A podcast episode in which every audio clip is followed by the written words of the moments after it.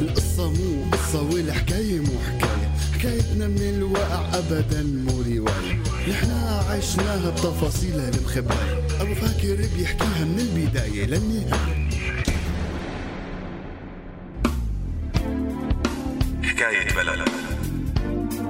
أب وأم وولد حياة جديدة بدها تنولد. حكاية سوريا الروح قبل الجسد. الروح قبل الجسد. هلا مع حكواتي السورياني. عاها راديو سورياني خليكم معنا. يسعد لي أوقاتكم إخواتي السورياليين الغوالي. من المنطقة الشرقية وباديتنا السورية جاي حكايتنا اليوم. حكاية جاسم ورفيقه دحام وكيف الحياة تغيرت بهالرفقة. فرستقولنا قعدتكم حتى نبدأ حكايتنا. اليوم وبكرة اليوم وبكرة رح نحكي عن بكرة أحلى امبارح اليوم وبكرة رح نحكي لك يا بلدي. كيف تغيرنا وغيرنا كيف صرنا نحبك أكتر. ورجعنا يا بلدي تجمعنا وعمرنا يلي تدمر. حلاوة الأفكار نستنا وجع الأخبار. ورجع الأمل بضحكة الصغار. سوريالي سوريالك سوريا إلنا كلنا. سوريالي سوريالك انت اللي قادر تغير انت ابن البلد. فات جاسم على المدرسة وهو مو عرفان مع مين بده يلعب. لأنه من وقت ولد وهو عايش مع أهله بقرية بعيدة وصغيرة بقلب البادية السورية. ما فيها مدرسة بس فيها أولاد مثله بيلعب معهم. بس الجفاف خلى أرضهم تنشف وتموت فما بقيت إمكانية إنهم يعيشوا هنيك. لازم يدوروا على مكان تاني يسكنوا ويشتغلوا فيه. انتقلوا على الرقة وتسجل جاسم بالمدرسة لأول مرة. ولأول مرة حيروح ويشوف أولاد ما بيعرفهم يمكن ما بيعرفوا يلعبوا لعباته. يمكن ما يكونوا حبابين مثله. يمكن ما يحبوه. ومشي باتجاه الباب باب المدرسة الكبير. شاف أولاد كتير مثله لابسين هالمريول البني وعم يركضوا يلعبوا يتقاتلوا. أصوات صياح لعب ضحك. وما حدا ملتكش فيه. فات بيناتهم ومشي لقلب الباحة. وقف على جنب الحيط عم يستنى ينصفوا الطلاب مثل ما قالت له أمه وبعدها يروح لعند المدير يعطيه الوراق تبعيته. بيتفاجأ بطابة مثل الصاروخ بتخبطه على وشه وبتضربه بقوة بترميه على الأرض. بعدها بيسمع صوت ضحك وبيقرب منه ولد ضخم بيقول له شو ما فيك تمسك الطابة؟ تعالوا يا أولاد شوفوا هالطالب الجديد يلي ما بيقدر يصد الطابة. وبيبلشوا ضحك عليه. هون جاسم ما تحمل. وقف زد شنطايته على الأرض وهجم على الولد يلي كان عم يحاكيه ويضحك عليه. وبلشت خناقة بيناتهم. باقي الولاد متجمعين حواليهم عم يتفرجوا ويشجعوا. هلأ صحيح إنه هداك الولد اللي ضرب الطابة كان قوي بس كمان جاسم طلع فيه البركة. قدر إنه يحول حجم خصمه لمصلحته ويوقعه على الأرض ويثبته. بس بهاللحظة هجموا ولدين من رفقات هداك الولد مشان يرفعوا جاسم عنه ويتدخلوا لمصلحة رفيقهم اللي كان عم يخسر الخناقة قدام جاسم. مسكوه قام الولد ضخم من على الأرض هجم ليضرب جاسم يلي ما عم يقدر يفلت من إيدين الولدين اللي ماسكينه. هون بيظهر ولد مبين إنه أكبر منهم بشوي بوقف بالنص وبيضربه لهداك الولد وبيندار على الولدين يلي ماسكين جاسم وبقول لهم فلتوه. هي مو اخلاق انكم تتكاتروا عليه. وفعلا بيتركوه ببعده. بيقرب من جاسم يلي كان معصب وبده يضربهم وحاسس إنه انهزم. فبقول له الولد يلي تدخل ويلي طلع اسمه دحام قوم قوم لا تخاف. أنت قبضاي دافعت عن حالك منيح. هن جبناء لأنه تكاتروا عليك. فبقول له جاسم إنه هو لازم لازم ياخذ بحقه منهم ولازم يروح يضربهم ولازم. فبقول له دحام لا تخاف يا رفيقي الأيام جاية اليوم هذا أول يوم إلك هون. بلا ما يشوفوك الأساتذة وياخذوا عنك فكرة إنك مش كلجي. رتب حالك وبلش دوامك. بشوفك بالفرصة الأولى وبنحكي. يلا فتحوا الباب روح روح وقف بصفك ليكو هونيك. دله وين لازم يوقف. وقفوا الولاد بالبحة مصفوفين بانتظار خروج الأساتذة واصطفافهم أمامهم. وبلشت تحية العلم وترديد الشعار وفاتوا عصفوفهم. ولبين ما يخلص جاسم كل ترتيباته وخناقاته. حنروح فاصل صغير ونرجع لكم. فانطروني ما بتأخر. عالما يا عالما يا على عيني يا ملايا يا بني يا بالله سقيني عطشان سقيني مايا. عالما يا عالما يا على عيني يا ملايا يا بني يا بالله سقيني عطشان سقيني مايا.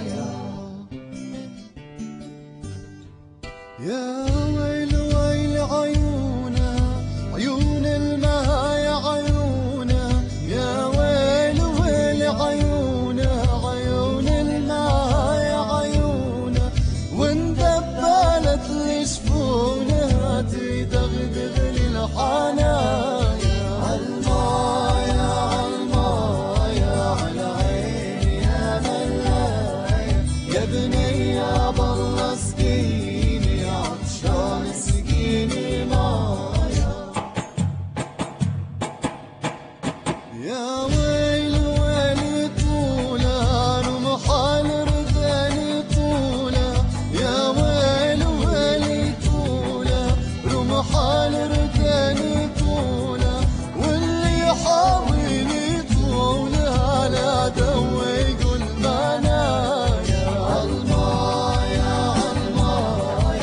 يا إخواتي رجعنا لكم لنكمل الحكاية. بعد ما فات جاسم لعند المدير وعرف وين صفه وبلش دوام وصارت الفرصة الأولى وشاف رفيقه دحام يلي حكانه عن المدرسة والطلاب المشاغبين وأصحاب المشاكل يلي لازم يدير باله منهم.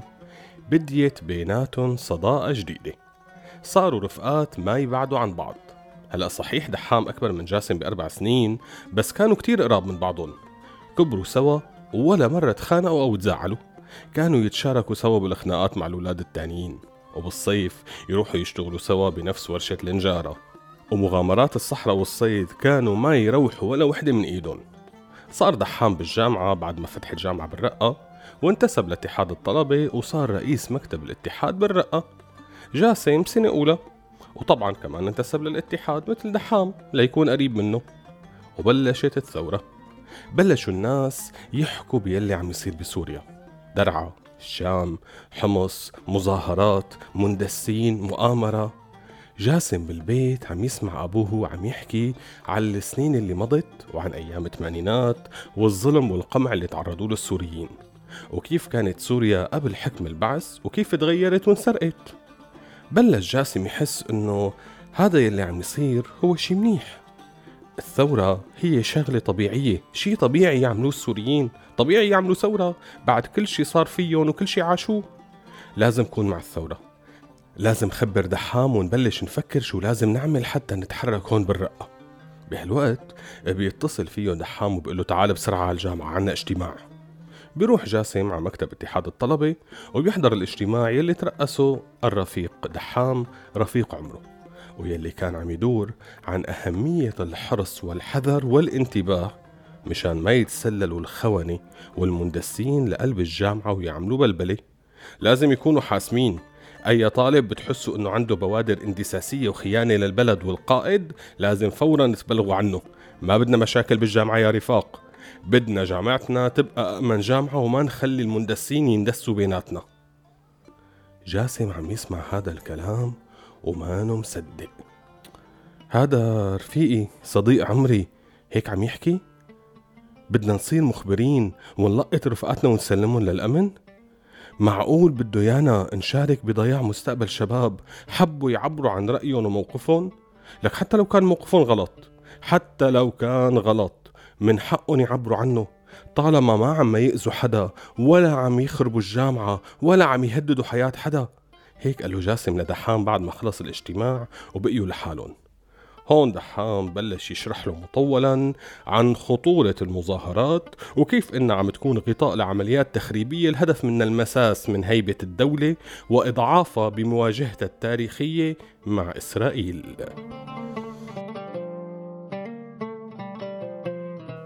مواجهة تاريخية مع إسرائيل؟ لك دحام شو عم تحكي أنت؟ نسيت قديش كنا نقفل على عبارة حق الرد؟ نسيت كم سنة ما طلعت رصاصة ولا عمل النظام أي فعل كرمال استعادة الجولان؟ نسيت إنه أنت نفسك كنت تقلي إنك حزين إنه في قطعة أرض من بلدك محتلة والدولة ما عم تعمل شيء لاستعادتها؟ نسيت كل هالكلام وصرت هلأ عم تدافع عن هالشي؟ هون بيضربوا دحام فجأة بوكس لجاسم وبيقول له وطي صوتك انت مجنون؟ عم تحكي هذا الكلام هون بصوت عالي وانت بتعرف انه المكتب مليان مخبرين حوالينا بكل مكان؟ شو ناوي تروحني وتخليهم يفكروني مندس ويعتقلوني؟ روح هلا من هون روح على البيت المسا بمر لعندكم نحكي الظاهر عقلك طائق وما عم تقدر خطورة الموقف يلي نحن فيه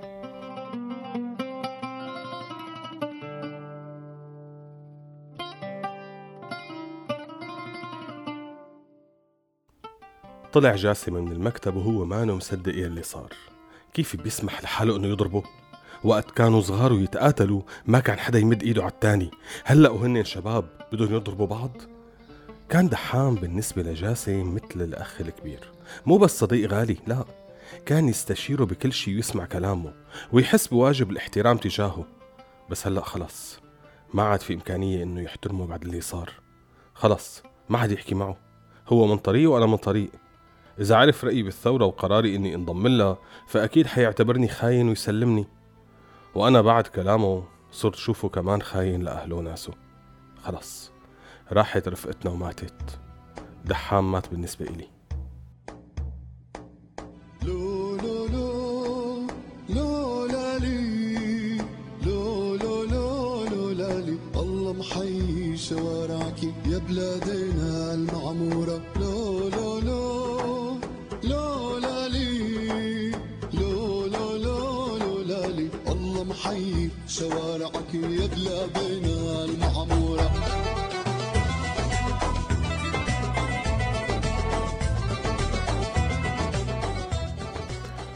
هون إخواتي حأضطر أترككم لأنه حلقتنا قربت من نهايتها. الأسبوع الجاي حكملكم الحكاية وخبركم شو صار مع جاسم ودحام. خسروا رفقتهم لبعض ولا لا؟ بشوفكم الأسبوع الجاي. استودعناكم.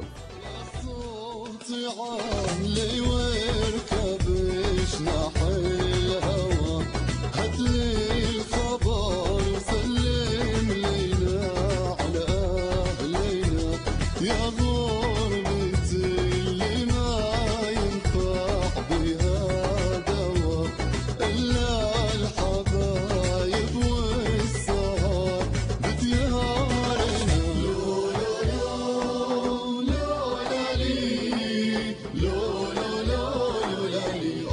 محيي شوارعك يا بلادنا.